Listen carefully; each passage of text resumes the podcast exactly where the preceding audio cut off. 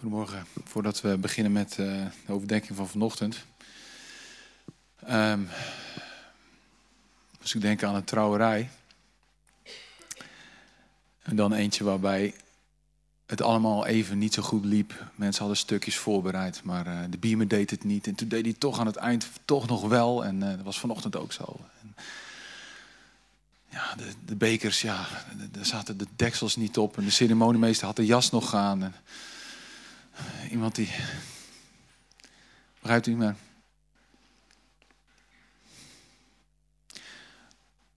En dan komen de bruid en de bruidegom. En, en dan zijn ze gewoon heel relaxed. Zeggen ze: Joh, maak het uit, man. Wat fijn dat je er bent. Wat gaaf. Zo blij dat je er bent. Maak het uit. Ja, die dekseltjes, ja, die hadden we besteld. Maar via AliExpress. En, ja, door corona is het allemaal vertraagd. En maakt niet uit, man. En je denkt, oh ja, wat hebben we ons toch allemaal bezig gehouden met die details. En we willen het allemaal zo goed doen. En dan zegt de bruidegom, ja. Ja, we gaan het niet nog een keer over doen, maar uh, maak het uit. Fijn dat je er bent. En ik hoop dat vanochtend, en dat is eigenlijk vanaf het gebed voor de dienst al, en ik hoop ook door, ik zo meteen ga ook dat, en door de zangdienst, door het, juist ook door het avondmaal, dat u vanochtend gewoon aangaat bij de Vader, gewoon langs gaat bij God de Vader, bij Jezus, aan zijn voeten. Dat je er bent, dat je er mag zijn. Natuurlijk dat je je mooiste kleren aan hebt gedaan, maar zo niet, dan niet. Het is oké. Dat wil ik even delen van tevoren. Dat is ook makkelijk natuurlijk, hè? want als het dan een beetje rommelig wordt zometeen tijdens mijn uh, overdenking, dan denk ik van ja, maak het uit. Ja. Maar goed, nogmaals, goedemorgen.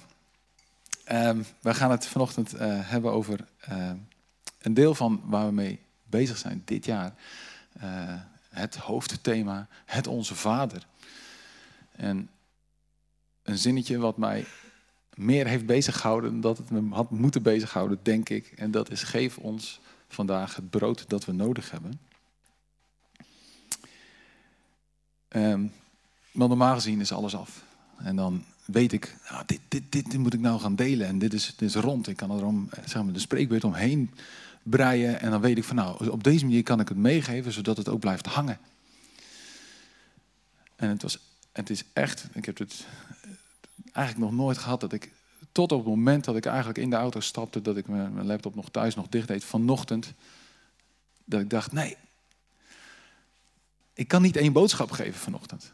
Dus geef ik twee. En dat is eigenlijk ook een beetje waar het op neerkomt. Dus als je denkt van ja, wat was nou het punt? Nou, dat zijn er twee. Als je een mop vertelt, moet je eigenlijk nooit beginnen met de clue. Dus ik ga dat wel doen.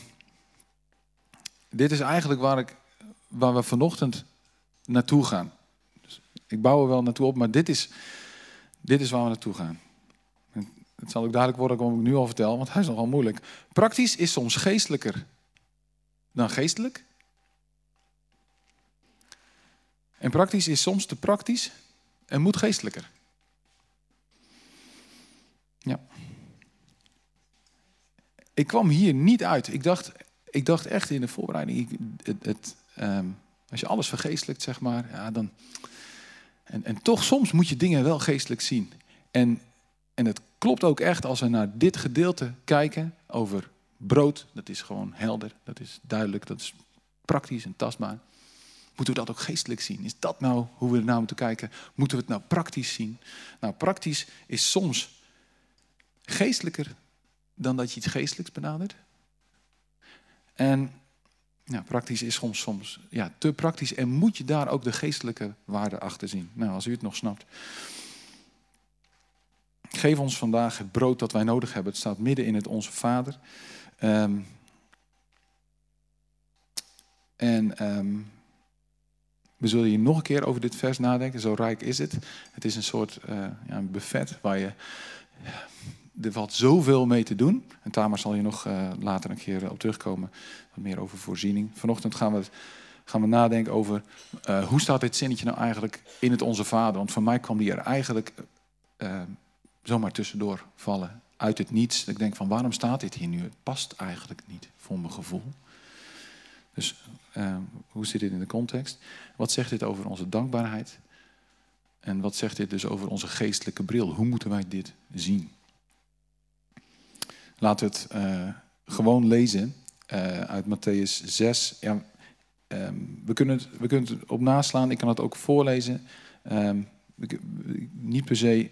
Ja, wil, je het, wil je het laten zien, Johan? Ben je erbij bezig? Ja, dan is, dan is het uh, Matthäus 6, vers 7 tot 11. Bekende versen.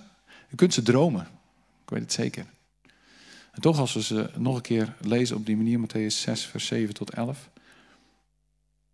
Wat geweldig, hè, met zo'n flexibele beamer is die er dan in één keer erop knalt. Terwijl echt uh, vijf minuten voor de dienst de hele beamer het nog niet deed. En natuurlijk de techniek die het mogelijk heeft gemaakt. Maar goed, de bruidegom is er en we kunnen tot rust komen. Bij het bidden, staat er dan in vers 7, moet u niet eindeloos voortprevelen zoals de heidenen. Die denken dat ze door een overvloed aan woorden verhoord zullen worden. Doe hen vooral niet na. Ik lees hem uit de 21 vertaling, ik denk dat dit een ander is, maar het komt op hetzelfde neer. Doe hen niet na, jullie vader weet immers wat jullie nodig hebben, nog voordat jullie hem vragen. Dit zinnetje, nog voordat je het hem vraagt, dat hij al weet wat je gaat bidden, en dan nog om, heilig, om, om dagelijks brood bidden, waarom? Als hij het al weet. Dat houdt me dan bezig. Bid daarom als volgt. Daarom, dat slaat dus over, dat slaat dus op het stukje ervoor. Van je moet niet zomaar eindeloos voortprevelen en uh, hele lange gebeden. Bid op deze manier. Nou, dat zijn we dit jaar aan het ontdekken. Onze Vader in de hemel, laat uw naam geheiligd worden. Laat uw koninkrijk komen en uw wil gedaan worden. Op aarde zoals in de hemel. En dan geef ons vandaag het brood dat wij nodig hebben. Als je ziet hoe dit in, het, in de context van dit kleine stukje al staat. Gewoon, ja, de context binnen dit, binnen dit stukje al. Is het eigenlijk um, volledig. Leert Jezus ons bidden, dat zijn we dus uh, aan het ontdekken dit jaar. Leert Jezus ons bidden om in relatie te bidden.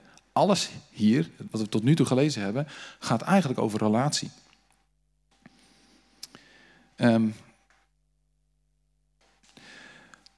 want het begint met onze Vader, maar ook in de hemel. Dus wat is nou je persoonlijke relatie tot God? Ik weet niet, als u bidt, wat u dan denkt. Denkt u meer aan een koning die ver weg is, aan een vriend die dichtbij is, aan een vader die voor je zorgt, voor je houdt. Maar Jezus opent er wel mee. Het, onze Vader is een volledig relationeel gebed. Onze Vader in de hemel. Hij is je vader. Hij is ook je koning.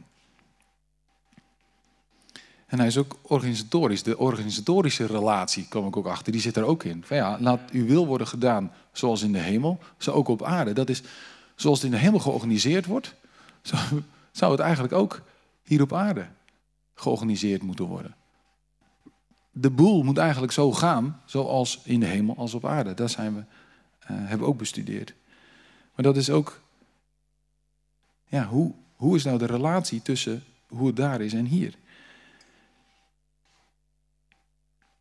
En dan, ja, dagelijks brood. Het gaat over zorg. Dagelijkse zorg. Zorg gaat over relatie. En in die zin snap ik wel dat, het, uh, dat die tekst die tussen staat. Geef ons vandaag het brood dat wij nodig hebben. Daarna komt nog een stukje over vergeving en vergevingsgezindheid. Wat eigenlijk natuurlijk ook gaat over relatie. Dus eigenlijk door, die hele, door het hele gebed heen gaan we eigenlijk, leert Jezus ons, waar ik al mee begon, aan te gaan bij de Vader. Langs te gaan bij Hem. Tot rust te komen bij Hem. En niet met veel woorden te komen. Dus ik hoop dat we dat vanochtend ook doen. De banden aanhalen met de Vader. Wat zegt dit over onze dankbaarheid? En dan komen we een beetje op dat punt wat ik net zei van hoe, is het nou, hoe zit dat nou met praktisch en met geestelijk? Als je uh, als je een relatie hebt die volledig gebaseerd is op zorg, dan is dat een beetje een zorgelijke relatie soms. dat geldt niet altijd, maar in principe als, als de een alleen maar wat verlangt van de ander, dan is die hele relatie gebaseerd op ik krijg wat van jou. Of ik krijg wat van u. Dokter. Een dokter bijvoorbeeld, dat is nou zo'n zorgelijke relatie. Nou, klopt niet helemaal, maar zo zou je kunnen zeggen. Je gaat naar een dokter. Niet omdat je zegt van dat vind ik nou zo'n fijne vent. Ik ga gewoon even, ik maak even een afspraak, ik bel eventjes op. Ja, waarvoor ben je hier? Nou, gewoon, we elkaar al een tijd niet gezien. Nou, je, je komt daar omdat je iets wil hebben, je wil ja, genezing, dus ga je naar de dokter. Dat is zo'n zorgrelatie. En toen dacht ik, en, en, en, toen ging het dus bij mij van, oké, hoe, hoe zit het nu dan in dit gebed? Wij, wij vragen om dagelijks brood. Dat is zeg maar dan de vraag die we stellen aan God. Dus wij komen bij God met onze zorg. En als dat het enige is waarom je bij God komt, ja, dat is niet genoeg. Toch? En dan lees ik in Lucas 5. Nou, Johan, als je zo super snel bent. Lucas 5, vers 31 en 32. Stond hier dan?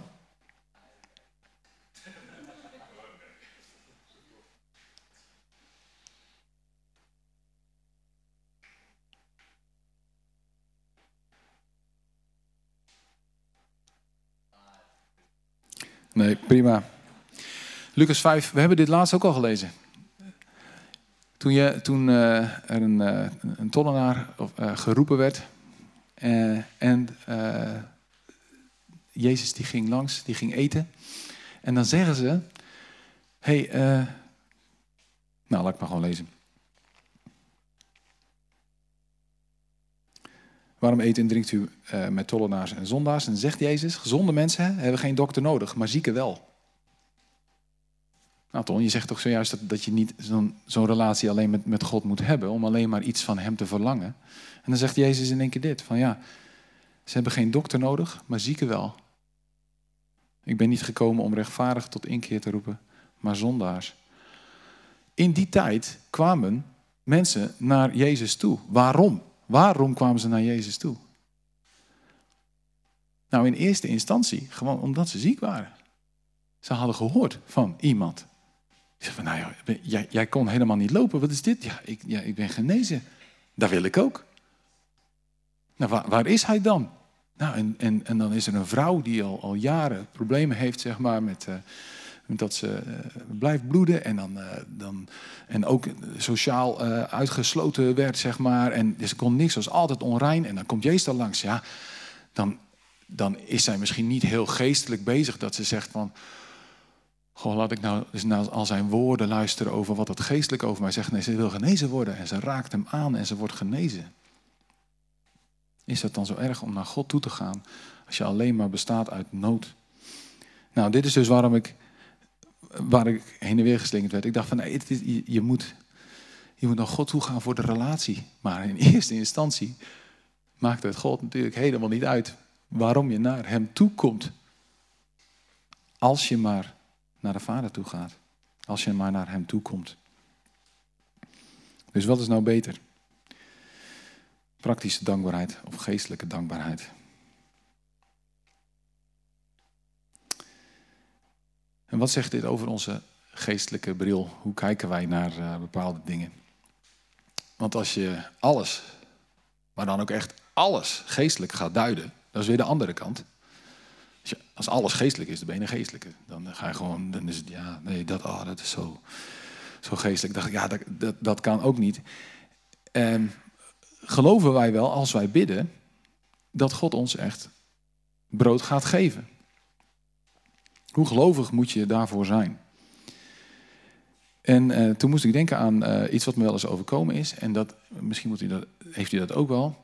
Dan ben je, dan ben je ergens op, nou bijvoorbeeld op een bruiloft. En um, daar ontmoet je mensen die je vaag kent. Via via. En je zit aan zo'n tafel, het is een gezellig gesprek. En je merkt aan die persoon dat hij in één keer, uh, ja, die wil iets vertellen, maar die houdt zich in. En die probeert dan een beetje af te tasten uh, wat voor vlees die in de kuip heeft. Zo van ja, um, en dan zegt hij: Ben jij gelovig? En in dat woord gelovig, daar, daar zit dan een beetje zo'n negatieve klank. Ben jij, ben jij gelovig? Ben je, dat klinkt een beetje als: Ben jij goed gelovig? Of ja, een beetje, ja, dat ik, dat maakt het een beetje negatief. Die bedoelt natuurlijk ja, of dat jij gelooft in God. Dat je, maar gelovig, ja. Christen die zegt nooit tegen een andere christen van, oh ben je gelovig? Ook gelovig? Nee, dat kan beter. Dan, uh, dan zeg je bijvoorbeeld, ben jij, uh, ben christelijk? Nou, dat kan ook nog van alles betekenen, want in het... Uh, kan, kun je ook op een formulier zetten, wat, wat ben je? Ja, christelijk. Maar dat zegt eigenlijk nog niks over hoe je, hoe je het doet natuurlijk. Nee, het kan nog beter. Als, als je op zo'n uh, op zo'n aan zo'n tafel zit en iemand die vraagt hoe gelovig jij bent en die wil weten hoe het zit, dan zegt hij: Ben jij een christen? Nou, als je een christen bent, dan ben je alleen christelijk, nee, christen, dan, is, dan, ja, dan kan nog beter. Stel je zit op een bruiloft en iemand die uh, wil een beetje weten wat voor, uh, ja, wat, wat, voor persoon die tegenover zich heeft en die zegt: Ben jij een volgeling van Jezus? En dan weet je meteen dat die persoon vraagt over de praktijk van jouw leven. En niet van ja, wat, wat doe je? Het verschil in deze opmerkingen zit hem in de praktijk. Want een christen, dat is een naam. En uh, gelovig, ja, dat is, dat is, een beetje wat je gelooft. Maar als je een volgeling van Jezus bent, dan zegt dat iets over de praktijk van jouw leven. En, in, en daar zie je ook weer dat geestelijk en dat praktisch. Als het niet praktisch wordt, wat betekent dat geestelijke dan? Terug naar de tekst. Als wij bidden om dagelijks brood, moeten wij dat dan geestelijk duiden of praktisch? In Johannes 4, vers 31 tot 34, staat natuurlijk het antwoord. Want als je je Bijbel kent, dan weet je wat Jezus gezegd heeft over dit is mijn dagelijks brood. Um, Johannes 4, vers 31 tot 34. Deze tekst die kennen wij hier in deze gemeente zeer goed. Waarom? Omdat dit de levend water tekst is. Hij is laatst ook al aangehaald in een, uh, in een preek. Heeft me ook echt ontzettend aan het denken gezet. Teruggeluisterd via de podcast, dat kan dan tegenwoordig. Johannes 4, vers 31 tot 34. En weer word ik heen en weer geslingerd. Ah, oh, daar is die, kijk eens aan. Wat een wonder.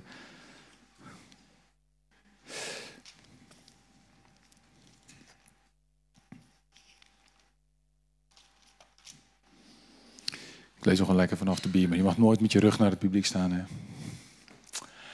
Intussen zeiden de leerlingen tegen Jezus: Rabbi, u moet iets eten. Dat was dus nadat Jezus bij de bron zat, dat de Samaritaanse vrouw kwam en heeft gezegd: ik, uh, ik ga je levend water geven. Dus die tekst als levend watergemeente die moeten we kennen. En dan komen die discipelen terug en dan zeggen ze: Rabbi, u moet iets eten. Maar hij zei: Ik heb voedsel dat jullie niet kennen. En ja, hier ga ik soms, daar moet ik een beetje lachen. Ja, ik, je hebt van die mensen, en bedoel ik echt eerbiedig niet naar de Heer Jezus oneerbiedig toe, maar je hebt van die mensen die vergeestelijken alles. Dan is het van, uh, oh, had je, nog een, uh, had je nog een plaatje kunnen vinden? Heb jij al een plaatje kunnen vinden in de hemel? Of, uh, ja, en dan verwacht je gewoon een praktisch antwoord, maar dan krijg je een geestelijk antwoord. En daar ben ik zelf uh, niet zo van. Ja, of je moet het als, een beetje als, als grapje bedoelen of zo. Maar, maar hier, dit gebeurde de discipelen regelmatig. Dat Jezus juist van praktisch iets geestelijks duidt. Rabbi, u moet iets eten, praktisch. Nou, hij zei, ik moet helemaal niks. Ik heb voedsel voor jullie dat jullie niet kennen. Zou iemand hem eten, praktisch? Zou iemand hem eten hebben gebracht? Zeiden ze tegen elkaar. Maar Jezus zei, mijn voedsel is de wil doen van hem die mij gezonden heeft en zijn werk voltooien. Oké, dus wat is mijn voedsel? Mijn dagelijks brood staat in sommige andere vertalingen. Als wij bidden met het onze Vader, geef ons heden ons dagelijks brood. Zeg je dan eigenlijk, laat ons elke dag uw wil doen? Nou, als ik, als ik deze tekst lees in het, uh, het Onze Vader, dan zou ik dit erbij kunnen halen. En dat is prima, want Jezus duidt het hier ook eigenlijk geestelijk. Wat is nou belangrijk? Nou, niet brood, maar de wil van de Vader doen. Dat is belangrijk. En als ik kijk naar wanneer Jezus dit tegen zijn discipelen zei, dan was het van, hey, weet je hoe je moet bidden? Bid gewoon met weinig woorden en meen wat je zegt. Nou, als je weinig brood hebt, bid dan om brood. Gewoon praktisch. Ik denk dat dit in onze Vader praktisch is bedoeld. Gewoon dagelijks brood. Dat God gewoon elke dag voor je zorgt. En later heeft hij het over dagelijks voedsel. Zegt hij, weet je, dat is eigenlijk helemaal niet belangrijk. Je moet het ook geestelijk zien. Ik zeg nu het woordje ook. Maar die ontdekking, ja, daar ben ik elke dag al mee bezig. Want moet je nou iets geestelijk zien? Moet je nou iets praktisch zien? En soms is praktisch veel geestelijker dan, uh, dan geestelijk. Want als jij echt geen brood hebt en jij bidt om brood, je, bent echt, je hebt echt honger en je krijgt brood, dan ben je echt dankbaar voor dat brood. Geestelijk dankbaar voor het praktische brood wat je krijgt. En daarom zegt Jezus ook, om deze reden zegt Jezus ook, het is voor een rijke moeilijker het koninkrijk van God binnen te gaan, om dit te snappen, om daarin te functioneren, dan voor een arme. Want iemand die rechtvaardig is, iemand die alles al heeft, die heeft geen dokter nodig. Die, iemand die altijd al brood heeft, die vraagt niet om brood. Als ik het onze vader zou moeten bidden vanuit mijn hart, zou ik dan vragen om dagelijks brood. Ik heb dagelijks brood, mijn vriezer zit vol. En dus als ik mijn broodje pak, ben ik dan echt dankbaar? Nou, met mijn hart, ja, ik vind brood wel lekker. Maar niet zo dankbaar als iemand die het niet heeft. Dus als we dat brood weghalen en wij bidden tot God vanuit de relatie met God, met onze zorg, dan kun je daar ook iets anders invullen. Dan kun je zeggen, Heer, nou, vul maar in. Wilt u mij dagelijks helpen om met mijn buurman om te gaan? Heel praktisch. Want ik vind het heel moeilijk. En als het dan lukt. En op de buurtbarbecue heb je hooi gezegd. En hij zei hoi terug. En hij zei nog iets leuks over je kleren of zo. En dat je denkt, hè? Nou, dan, dan loop je naar huis en zegt, nou, ik heb toch... Hij zei gewoon hoi tegen me. We hadden zo'n ruzie over, die, uh, over de heg die we moesten knippen. En, dat, en, en ik ben, echt, ik ben echt dankbaar dat dit gewoon goed is gegaan. Ik zag een beetje op tegen de buurtbarbecue, maar dit is ja. En als je weinig geld hebt om van rond te komen en je bidt daarvoor en iemand geeft jou dan een gift, dan ben je echt dankbaar. Dus bid praktisch, want praktisch is soms geestelijker dan geestelijk. En soms moet je wel achter in de schermen kijken. En dit is dus waarom ik, ja, ik, ik kon er niet één punt van maken. Het zijn er gewoon twee. Oké.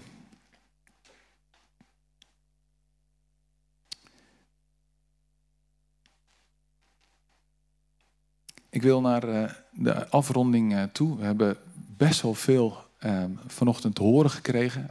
Um, maar hoe, hoe gaan we dit in de praktijk, uh, onze dankbaarheid want dit, dit stukje gaat over dankbaarheid. Dit gaat over bidden voor iets. Naar God, geeft u, wilt u voor mij zorgen? En hoe dankbaar zijn wij daarvoor? Um, ja, wil ik afsluiten met eigenlijk twee praktische punten. Echt heel simpel. Heb je zorg? Ga naar God. We weten dit. Maar maak het praktisch. Zeg het gewoon ook in gebed. Ik zit hiermee. Um, Ga naar God toe. Ook na de dienst, uh, als u gebed nodig heeft, deel het met iemand. Uh, uh, we kunnen in het technieklokaal bidden. En we gaan samen naar God toe. Gewoon met een praktische nood. En als God voorziet in die nood, dan heb je praktische dankbaarheid. En dat is geestelijk verrijkend. Want dan weet je, dan besef je dat je in afhankelijkheid staat van God die voor je zorgt. medisch, voedsel, ook geestelijke gezondheid. Ja, ook daarmee is het heel praktisch om dat bij God te brengen. En als het gaat over dankbaarheid en gelukkig zijn, benoem het specifiek. Niet in algemene termen. Bedankt voor alles. Wat vind je van mij? Nou, ik vind jou gewoon heel leuk. Ja, dat is zo algemeen. Benoem het praktisch. Ook in gebeden.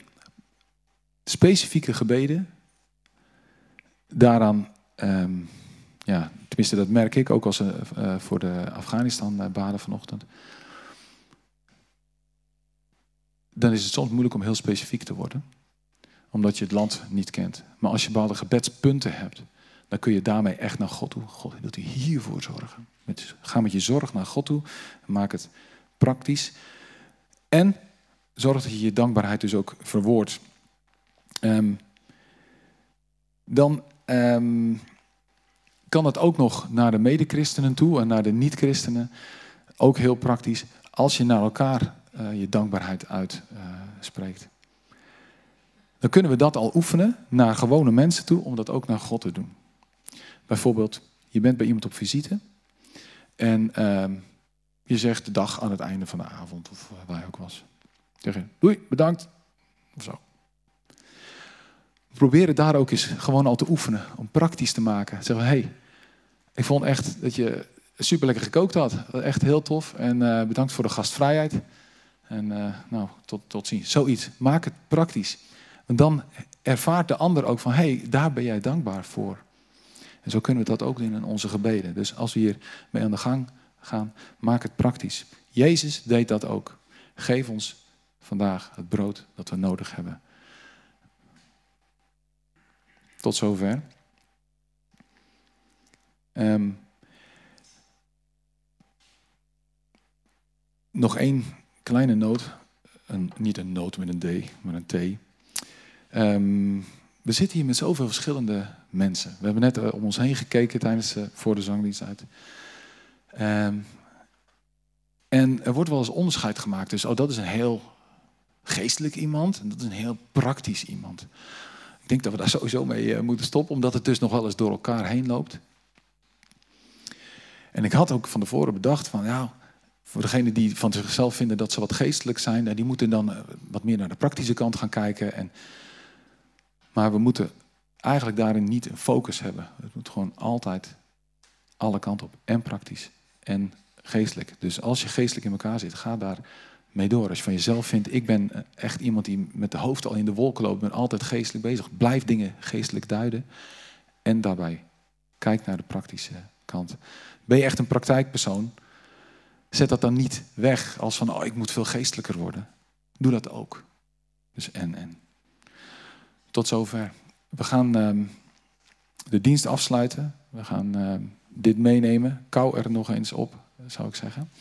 Um, ik wil het muziekteam naar voren vragen. Um, dan gaan we straks uh, zegen ontvangen. En we gaan dan één voor één de, de zaal uh, verlaten.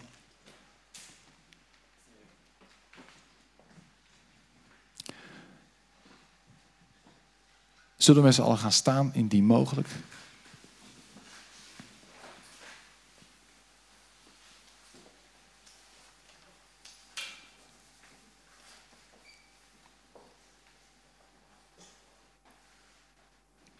En misschien is het goed om iets in gebed of in gedachten te nemen, een nood. En als we dan een zegen bidden,